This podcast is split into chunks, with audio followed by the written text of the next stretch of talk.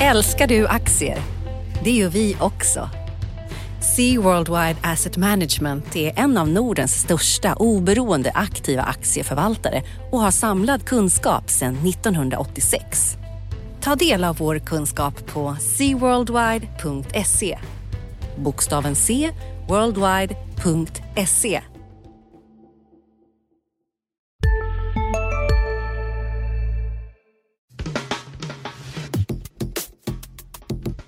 Analyspodden presenteras i samarbete med Lendify. Via Lendify kan du investera i lån till kreditvärdiga låntagare. Ett tillgångslag som tidigare endast varit tillgängligt för banker och stora institutioner. Den genomsnittliga årsavkastningen har de senaste 12 månaderna varit drygt 6% efter kreditförluster och avgifter. Flera finansiella institutioner har redan valt att investera 700 miljoner kronor i lån via Lendifys plattform. Läs mer på lendify.se. Analyspodden från Dagens Industri. Hej och välkomna till Dagens Industris analyspodd. Podden där vi går igenom de viktigaste händelserna på finansmarknaden under veckan som varit och veckan som kommer. Idag är det jag, Johanna Jansson och Johan Wendel som sitter i studion. Det betyder att vi bland annat ska prata lite om Spotify, eller hur? Ja, kapitalmarknadsdagen som hölls på torsdagskvällen där. Precis. Och sen så tycker jag också att för makronördar som jag själv så har vi tittat på inflationssiffror i veckan som har varit och eh, vi blickar framåt mot lite centralbanker eh, och så vidare. Och sen så kanske vi måste säga någonting om den evige Donald Trump och handelskrig och annat. Eller vad säger du Johan? Han är ett återkommande tema. Precis. Men ska vi börja lite med Spotify? Jag är nyfiken. Du satt uppe här på torsdagskvällen och följde den livestreamade eh, presentationen från Daniel Ek med flera. Eller hur? Berätta om dina intryck. Ja, jag satt här äh, på torsdagskvällen och äh, det var väl till att börja med var det ju inte någon superhit måste jag säga. Det var väldigt mycket lullull och här kommer vi kommer från Stockholm och så vidare och så vidare. Var det eh. positivt eller hur använder man det? Vi kommer från Stockholm, är det någonting som man... Nej, men man vill berätta storyn om Spotify och så här, ja. och jag, jag, kan väl känna så här, nu har vi hört den, nu vill vi veta siffrorna här och, och, det, och det den första IR-chefen sa också var att vi kommer inte presentera någon guidance för eh, Q1 2018 eller helåret 2018 nu, utan det gör vi 26 mars. Och då tänkte jag så här, jaha, varför har ni en kapitalmarknadsdag överhuvudtaget då? då?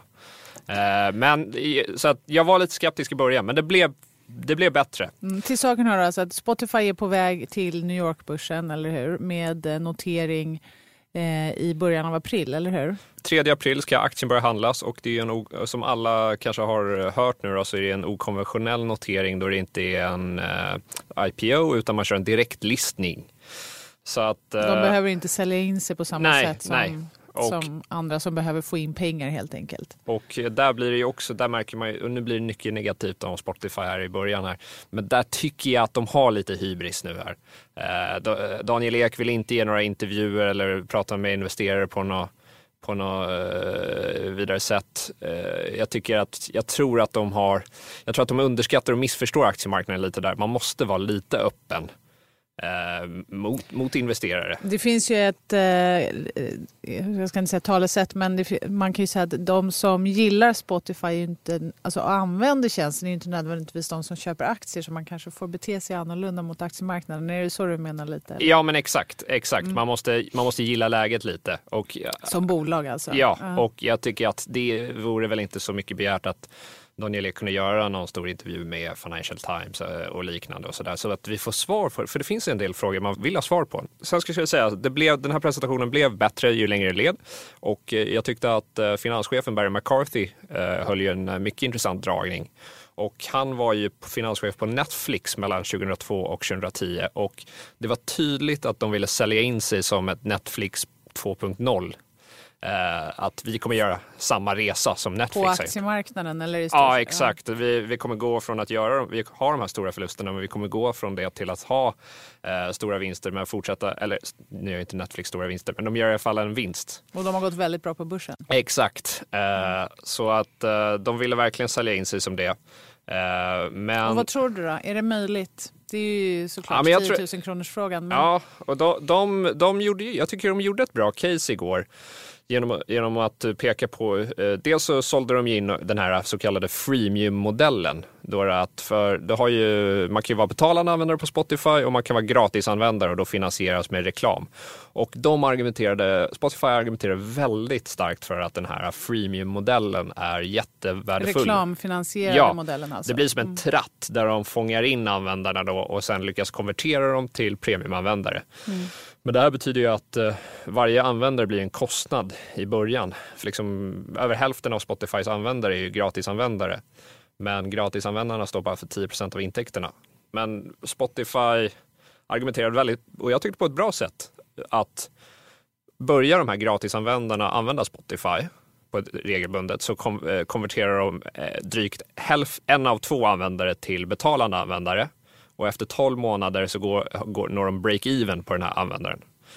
Då, skeptikerna säger så här, men ja, visst det är jättebra det här men Spotify har höga kostnader, de måste betala royalties till skivbolagen och nu fick de lite bättre marginaler här under 2017 men det berodde på att de fick en break när det gällde sina royalties till just skivbolagen. Alltså de, de betalar nästan 80 procent då till Ja, i de ju, royaltykostnader. exakt. Och där var ju också en sak som Daniel Ek pratade mycket om att de vill bli en plattform, prat- pratar han mycket om, eh, för artister och så vidare. Så han visade upp olika marknadsföringsverktyg och musikverktyg som artister och skivbolag kan använda hos Spotify. För de sitter ju på en otrolig mängd data, Spotify. Så kan de hjälpa artister och skivbolag med det. Alltså att skapa musik då tänker de? Ja. Eller, ja. Så att de kan då, då visar de upp verktyg så här som, kan, som då visar arti- artisten att okej, du är en brittisk indiesångare, men av någon anledning så är din musik populär i Brasilien. Och det här var ett verkligt exempel. Eh, din musik är väldigt populär i Brasilien och då beslutar den här artisten sig för att åka på turné där och hade en väldigt bra turné. Och det är ett exempel på så här, ja, det är, datan är väldigt värdefull för artisterna då. Eh, och då var, under utfrågningen sen så var ju Daniel Ek tydlig med att ja, skivbolag, artister och sånt förstår att de måste betala för sådana här tjänster framöver. Det är ingenting Spotify. Alltså datainformationen? Ja. Mm. Och det blir ju ett starkt case för blir Spotify en tillräckligt stor plattform med jättemånga miljoner användare, som de redan är, men om de blir ännu större. De vill ju göra sig oumbärliga för artisterna och skivbolagen. Det är det vi alla vill. Alla plattformar, medier, allting. Alla från H&M till, eh, till Spotify till eh, Dagens Industri. Vi vill alla vara oumbärliga för våra användare. Men varför ska just... Eh, det gäller att liksom bli störst först helt Ja, enkelt. det gäller att bli störst först och behålla den här första platsen. Det är ju det som är jätteviktigt för dem, Och Spotify. än så länge så gör de det genom att betala i form av att de inte gör någon vinst helt enkelt. Exakt, exakt. Så att jag tror att det, det Daniel Ek vill det är att eh, nu ska man vara på börsen. Man ska, jag tror att de kommer lever, leverera ett betydligt bättre resultat 2018 jämfört med 2017 på sista raden tack vare att de slipper de här konvertibellånen. Sen kommer man vilja ta in ännu mer pengar antagligen och fortsätta den här, det här racet mot Apple Music som det framförallt är. Mm, för det är Eh, deras största konkurrent. ja, men, men som ändå ligger efter än så Ja, länge. och, och de får inte komma ikapp eller förbi. Därför Nej. då är det lite kört för Spotify tror jag tyvärr. Och, så, och kommer du, eh, skulle du vilja köpa, nu är ju vi, är vi råd här i DI så vi köper ju inte aktierna så, men, men när- skulle du vilja köpa Spotify-aktier när de väl listas? Vad tror du? Jag har inte kommit in till någon bra slutsats där, men det, det, är, ja, det är lite risky, det får man ju säga. Det bygger på mycket framtidsförhoppningar, men hittills så går det inte att förneka att de har gjort det jäkligt bra och de ligger ju rätt i tiden. Det är ju många sådana här plattformsbolag som har haft en väldigt bra resa, alltså Netflix och så vidare.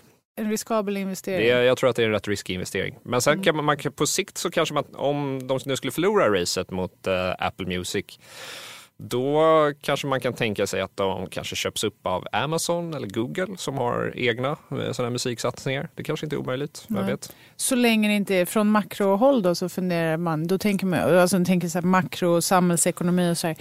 Då är ju diskussionen just nu väldigt mycket kring hur stora får bolag egentligen bli?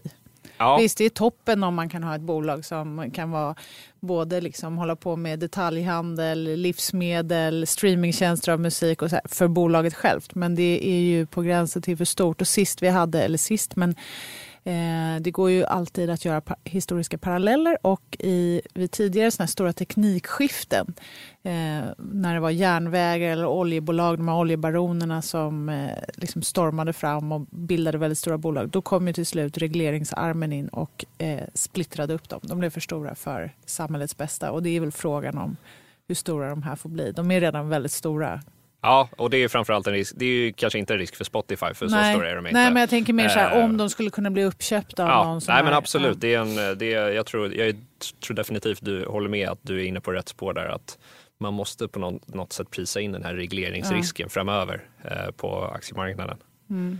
Och det, det är otroligt svårt som sagt att prisa, men man ska ändå ha mer i bakhuvudet. Och jag tänker också en, för en annan grej, just när det gäller, vi pratar om eh, Spotify här och deras möjligheter att faktiskt tjäna pengar. Jag menar, vi, det är den här, eh, liksom, ja, hur tjänar man pengar på sånt som konsumenter inte vill betala för? Eller vi betalar ju för det indirekt för vi delar med oss av vår data. Men det är ändå en märklig, märkligt eh, sätt att liksom betala för en tjänst. Det blir, eh, ja.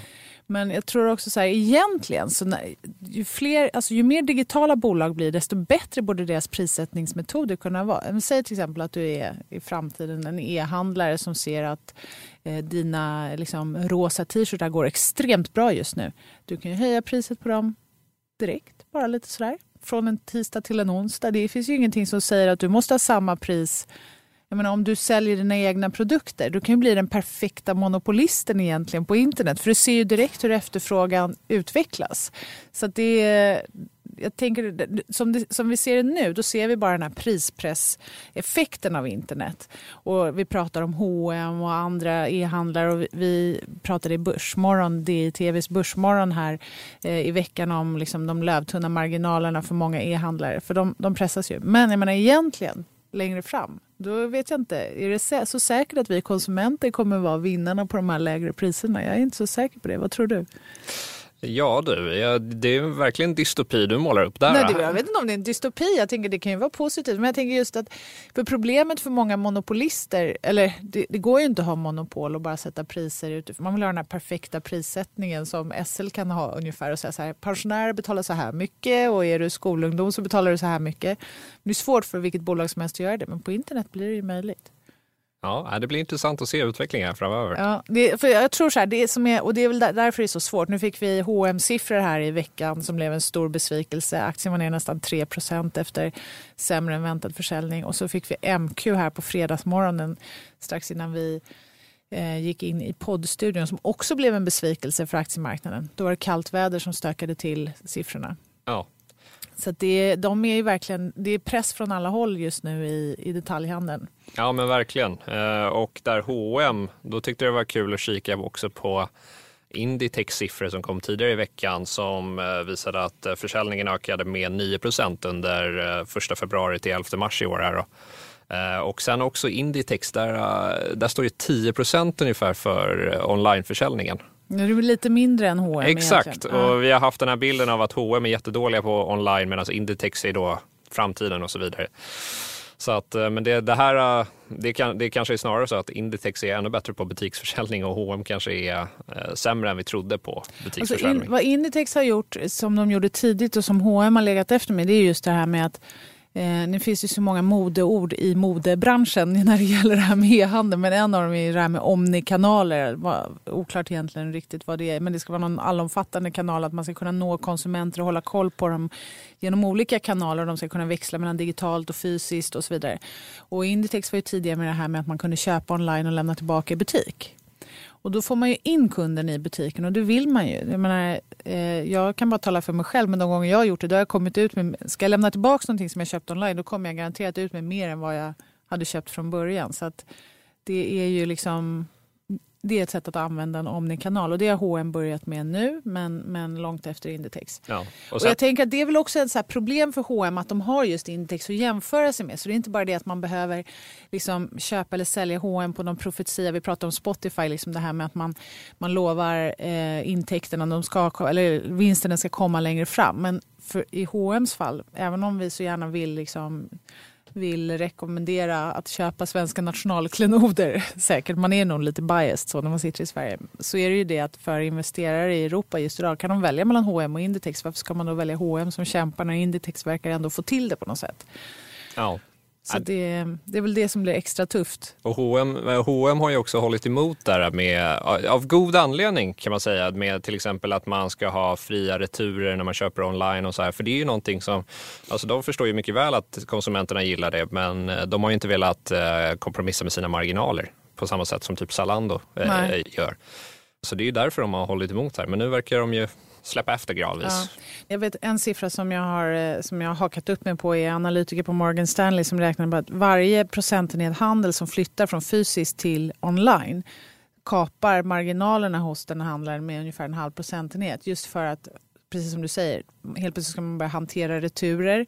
Eh, kunder som köper tre storlekar lämnar tillbaka två. Man ska ha e-logistik, e, e- alltså logistik och e-betalningslösningar och sådär. Så att det är ju... och, och någonting som jag har tänkt på här i Sverige är att någon gång måste det ju komma till, alltså när man går in på ett Coop eller Ica eller vad som helst så är det ju alltid lång kö till ombudet där när alla ska hämta ut sina paket. För det, ofta de här butikerna till exempel ligger i innerstaden, det är dyrbar lageryta de har. Alltså någon gång måste det komma någon lösning så att de här eh, postombuden och matbutikerna får eh, mer ersättning tror jag.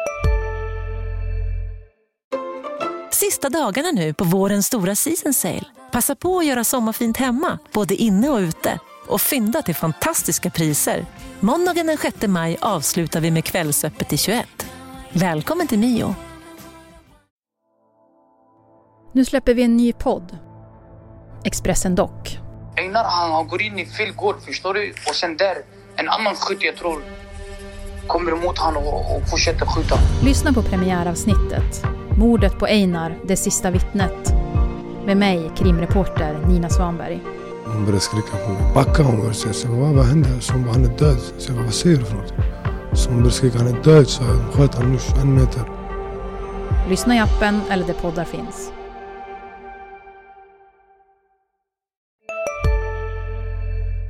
Därför att de har inte, det är inte någon riktigt bra affär det här för dem. Nej, att de och så har... tror jag varierar väldigt mycket på liksom beroende på vilket bolag det är som levererar. Det är ju inte så att, men det finns ju flera olika leverantörer och alla fungerar lite olika. Ja, men det där är som sagt kampen är igång kring det här. Det är ett stort skifte inom detaljhandeln och vårt sätt att köpa och sådär. Eh, och damm, när dammet har lagt sig, då kommer man se det kanske är H&M som står kvar som vinnare. Who knows? Det är inte omöjligt. De har ju finansiella muskler och liksom, de har egen produktion också. Så att det är inte alls säkert att de kommer vara sådana förlorare. Men det, det kommer dröja innan vi vet helt enkelt. Så är det ju. Men jag tror, precis som du är inne på, jag tror att det här med transporter och eh, transaktioner det är det som kommer stå i centrum. Alltså kan man lösa transporterna och kan man lösa att vi vågar lita på att transaktionen går igenom, att jag litar på dig fast jag inte vet vem du är, att jag betalar för dina grejer, ja men då, då får man till det. Men det här påverkar ju så mycket. Det här, liksom, vi pratar ju om det här med prispressen och vi kan ta lite kort bara om inflationssiffrorna som kom i veckan. Då. Det är ju fortfarande låg inflation i omvärlden och en del menar att det beror på digitaliseringen. Inte alla dock, för att eh, Bank of Canada har just gjort en studie. De försökte visa hur mycket digitaliseringen har pressat inflationen där. Inte alls kom de fram till. Så att, eh, man kanske inte ska ta för givet att eh, det är digitalisering och annat utan det kan vara andra saker också. Och då är det demogra demografi det handlar om då? Nej, men vi har haft en stor finanskris som vi i Sverige kanske inte märkte av så jättemycket för att Riksbanken kunde sänka räntan och vi hade tillräckligt starka statsfinanser för att dra på. Men, eh, men för omvärlden var det ju en stor sättning i ekonomin som har gjort att man har gått på sparlåga väldigt många år. Så att, eh, men man får se, det är en studie som sagt. Men, eh, men vad händer med inflationen då? För det var ju, amerikanska tioåringen var ju på tapeten för bara några veckor sedan och den var på väg över 3 procent. Just det, långräntan i USA. Ja. ja. Vad händer där då? Ja, men där händer det så att det är fortfarande, det bubblar på räntemarknaden i USA. Så är det, Fed har redan börjat höja räntan och dessutom det som styr de långa räntorna det är framförallt hur mycket staterna lånar och hur mycket pengar Donald Trump vill sätta sprätt på. Så att ju mer han behöver låna desto högre stiger långräntorna. Så det hänger ju ihop. Men just när det gäller inflationen så nej, inte jättehög. Vi, den här inflationsoron som kom och liksom sänkte börsen i februari den har kommit av sig lite sedan dess. Vi har fått både arbetsmarknadsstatistik från USA och inflationsstatistik då här i veckan som visar att det det är ingen inflationschock i annalkande utan inflationen håller sig någorlunda nära centralbankernas mål. Eh, och eh, även i Sverige då så kom inflationen in lite lägre än Riksbanken hade väntat sig. Och det har fått många analytiker att tro att Riksbanken höjer inte räntan efter sommaren eh, utan snarare mot slutet av året och kanske till och med under 2019. Det är Nordeas prognos till exempel. Det känns som att vi har blivit jättemycket känsliga för de här inflationssiffrorna. För är det så här, är det en tiondels procent off eller för lågt eller för högt, det får jättestora konsekvenser för till exempel kronan. Ja. Det, det känns helt absurt. Nej, det är tiondelarnas tyranni. Jag håller med dig, det är lite absurt. Och sen är det klart att jag menar, det, inflationen det är 2% i målet och det, den varierar kanske mellan 1,5 och 2,5. Jag menar, då blir ju tiondelar relativt sett viktiga. Men eh, Därför att liksom spannet är så pass litet. Men, men jag håller med, tiondelar är, det, det är liksom vad ska det spela för roll? Man borde kunna lyfta blicken lite längre och säga så här, det här tror vi på ungefär på lite längre sikt. Men det, vi, liksom, i Sverige vi har målat in oss lite det, att det ska vara så exakt. Det är, det är olyckligt faktiskt. Men, eh, men du har rätt i det, det får stora effekter. Nu är kronan faktiskt lite starkare än vad den var i början av veckan. Eh, den är nere och nosar, gick faktiskt ner under 9,10 mot euron. Den var uppe nära 10,20 till alla som firade vecka 9 sportlov utomlands. Men, eh, men nu är den tillbaka ner igen och det hänger ihop med att vi fick lite bättre arbetsmarknadssiffror här i veckan. Så att... Och vi har ju skrivit en hel del om kronan under veckan här. Ja. Eh, kan det bli en valfråga? Eh, kronan eller euromedlemskap? Kronan, kronan, euron och Riksbanken i en ja. helig tre, treenighet. Ja, en, en ohelig treenighet kanske. Jag tror inte kronan kommer bli en valfråga. Jag tror att kronan kanske kommer spela roll på något sätt indirekt. Alltså det är ytterligare en batong som man slår i huvudet på Riksbanken just nu. Och, eh, men, och när det gäller euromedlemskap så tycker jag att de argumenten som förs fram här nu, det är, det är att eh, Storbritannien går ur EU, då tappar vi en viktig bundsförvant. Eh, Riksbanken verkar ändå liksom sitta i knät på ECB. Vad spelar det för roll? Vi kanske bara ska gå med i euron och sen så har Nordea flyttat till Finland och skyller lite på att vi inte gick med i bankunionen. Så att då, då kommer ytterligare ett argument. Borde vi inte bara göra det här? Jag tycker att eh, använda de tre skälen det är att liksom backa in i euron, i EMU-medlemskapet. Men ska man vilja gå med där då ska man göra det för att man tror att det blir bättre, inte för att det inte spelar någon roll. Det finns massa invändningar ekonomiskt som man kan göra mot EMU. Det är en politisk fråga, då ska man ta den med politiska argument, inte med ekonomiska argument. Ja, vi får se var det barkar. Mm, ja, men det, jag tror absolut det kommer komma upp på, det kommer bli en, och det ska vara en debatt om det. Men, så att, men, och det tror jag absolut. Men en valfråga tror jag är för tidigt. Jag är bara förvånad över när vi har sett det här äh, centralbankspolitiken efter finanskrisen att det inte har varit... Eh, kritikerna är väl ofta vad man ska kalla, lite hittar inget bra ord på det, men kanske lite eh, personer ofta med förankring i näringslivet som ligger kanske högre ut politiskt sett ofta. Det har kommit väldigt lite kritik från vänsterhåll kan jag tycka. Från den här expansiva... Ja, exakt. Men det är inte så konstigt egentligen. Så är det även i omvärlden. Därför att det är liksom de mer konservativa falangerna. Alltså det finns ekonomi är ju inte en vetenskap på det sättet. Utan det handlar ju så mycket om samhällsvetenskap. Det är ju lite politik i det också. Så det finns ju nästan en höger och en vänstersida. Och det är vänsterekonomer som framförallt har, har tyckt att det varit rätt att centralbankerna har dragit på med den här penningpolitiken. Varför då? Jo, för att man inte vill ha en högre arbetslöshet. Och man vet att låga räntor det driver på ekonomin. Det finns en risk för finansiella obalanser men det driver också på ekonomin och sänker arbetslösheten. Och Det är viktigt från vänsterhåll. Medan de mer konservativa, som inte är lika rädda kanske för att förlora jobbet om man ska vara lite eh, kategorisk så. Ja, men de är mer rädda för de här finansiella obalanserna och har sagt liksom ända sedan början, även i USA, att ja, men det här är det som Fed gör, det kommer ge en inflationschock. Mm. Och det har ju visat sig vara fel så här, tio år efter. Det har inte, den här inflationschocken har ju inte kommit än. Men, men jag tänker, alltså kvantitativa lättnader driver ju ändå upp tillgångspriserna ja. och de som äger tillgångarna är ju ofta en väldigt begränsad skara. Mm. Så är det. Och det är absolut en av nackdelarna. Det är att det liksom kan öka ojämlikheten då genom att man gynnar då tillgångs, de som äger tillgångar eh, kontra de som inte äger tillgångar. Men som sagt, det driver också ner arbetslösheten och det är ju bra för de allra flesta. Ja. Ska vi gå vidare till eh, Donald Trump? Ja, vi kan bara konstatera att utan finanskrisen så hade vi inte haft Donald Trump heller. För att det är väl den här ökade ojämlikheten som ändå har gett honom en eh, chans här. Ja, vad ska vi säga? Veckans Trump. Han har ju eh, börjat skaka om lite bland sina nära och kära höll men hos sina rådgivare. Han eh, har nu eh, bytt ut eh, både utrikesminister och bytt ut sin, skaffat en ny rådgivare i form av före detta CNBC-kommentatorn Larry Kudlow. Ja, och det där var ju ett utmärkt orkestrerat byte. CNBC hade en nedräkning tills Larry Kudlow skulle vara i studion såg jag. Det var fantastiskt välskött, måste Ja. jag säga, mediemässigt. Ja, men det kanske ändå, det visar ändå tycker jag att han kanske har fått lite mer självförtroende Trump. Alltså man, det var som en eh, det det var liksom en liten paus i vad han har tagit sig till här. Och sen har han, nu har han dragit på med full kraft här med ståltullar och eh, med nya rådgivare och han är på Kina om handelsunderskottet och sådär. Så att, eh, För det ska ja. väl sägas att den här Kudlow är en klassisk Reagan-ekonom, älskar Han är faktiskt frihandel. inte ekonom, men han, eller han är självlärd, men, men han var en Reaganit i alla fall. Absolut. Ja, men han, han gillar ju inte alls de här handelshindren. Nej. Men även, ändå så har han eh, anlitats. Ja, alltså precis. Och det är väl det så här, man, eh, även om man inte gillar handelshinder så är det eh, så kan man säga att USA har, har inte gynnats av globaliseringen och en anledning är att de inte har de sociala skyddsnät som vi har på många ställen i Europa. Alla visste att ökad frihandel skulle bli en press för de som jobbade i liksom, exportindustrin i vissa rikare länder. Och i Sverige så har vi skyddsnät som skyddar de människorna. Vi har liksom arbetsmarknadspolitiska program och så här, och lite samma sak i Storbritannien och Europa. Så här.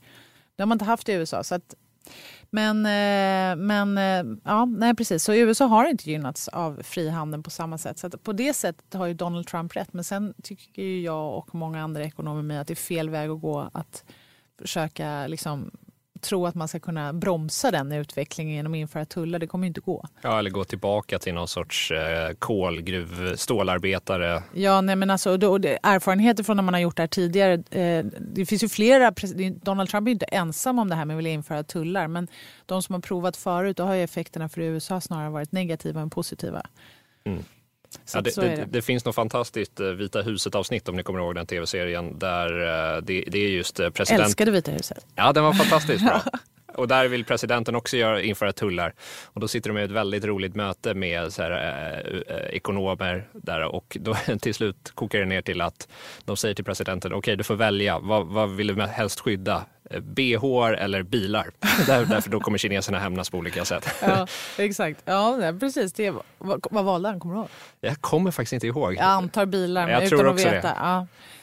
ja, men så är det. Men du, eh, och eh, precis, vi får se vad det är Trump väljer mellan här. Nu står det mellan whisky, stål och eh, Harley Davidsons på något sätt. Det verkar vara någon, ja, något, något, något sånt han får, får hålla på med. Men eh, han har också chansen då i veckan som kommer att faktiskt prata lite med sina kollegor inom G20 som möts finansministrar och centralbankschefer i Buenos Aires här efter eh, helgen. Och eh, det kommer säkert vara tal om handelshinder och hur man ska eh, försöka hålla liv i tillväxten i världsekonomin utan att det blir för eh, ja, en hållbar tillväxt. Är det som alla de här toppnamnen pratar om.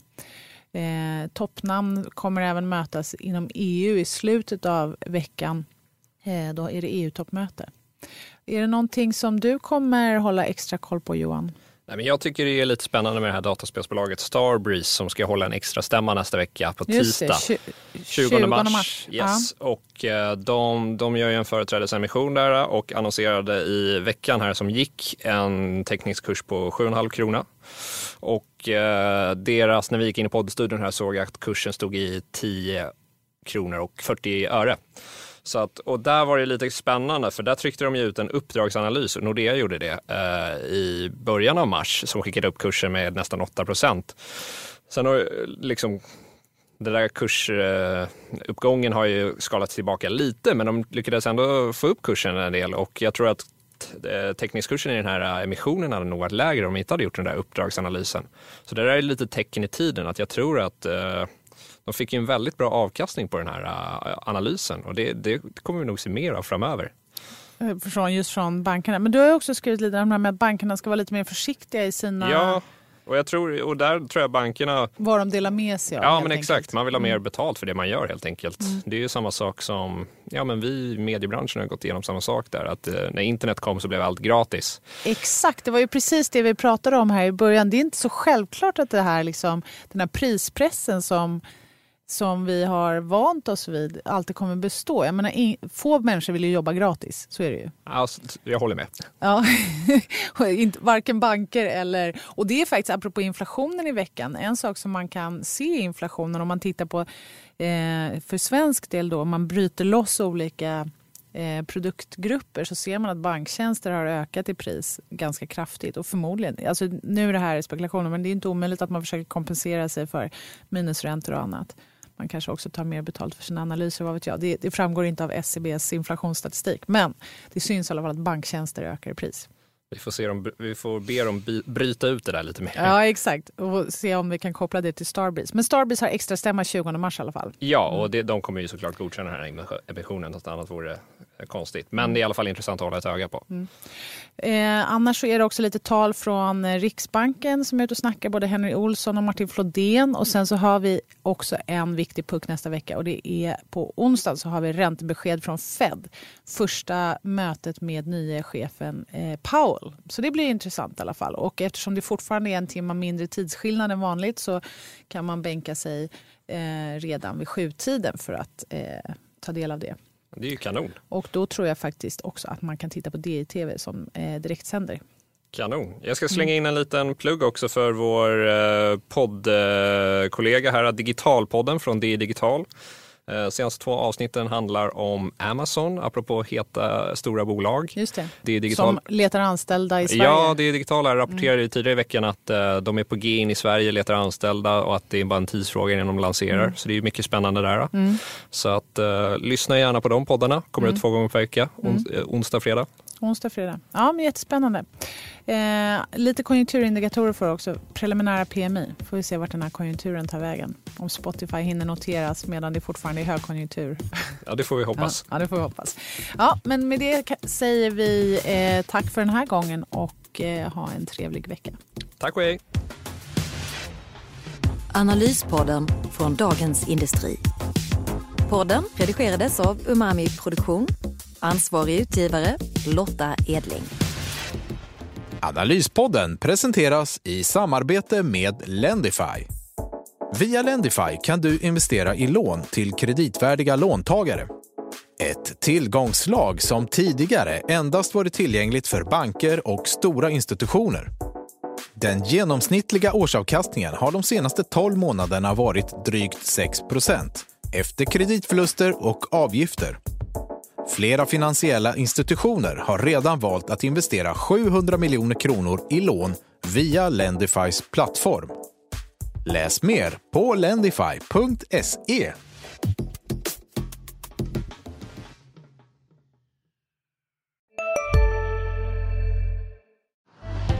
Älskar du aktier?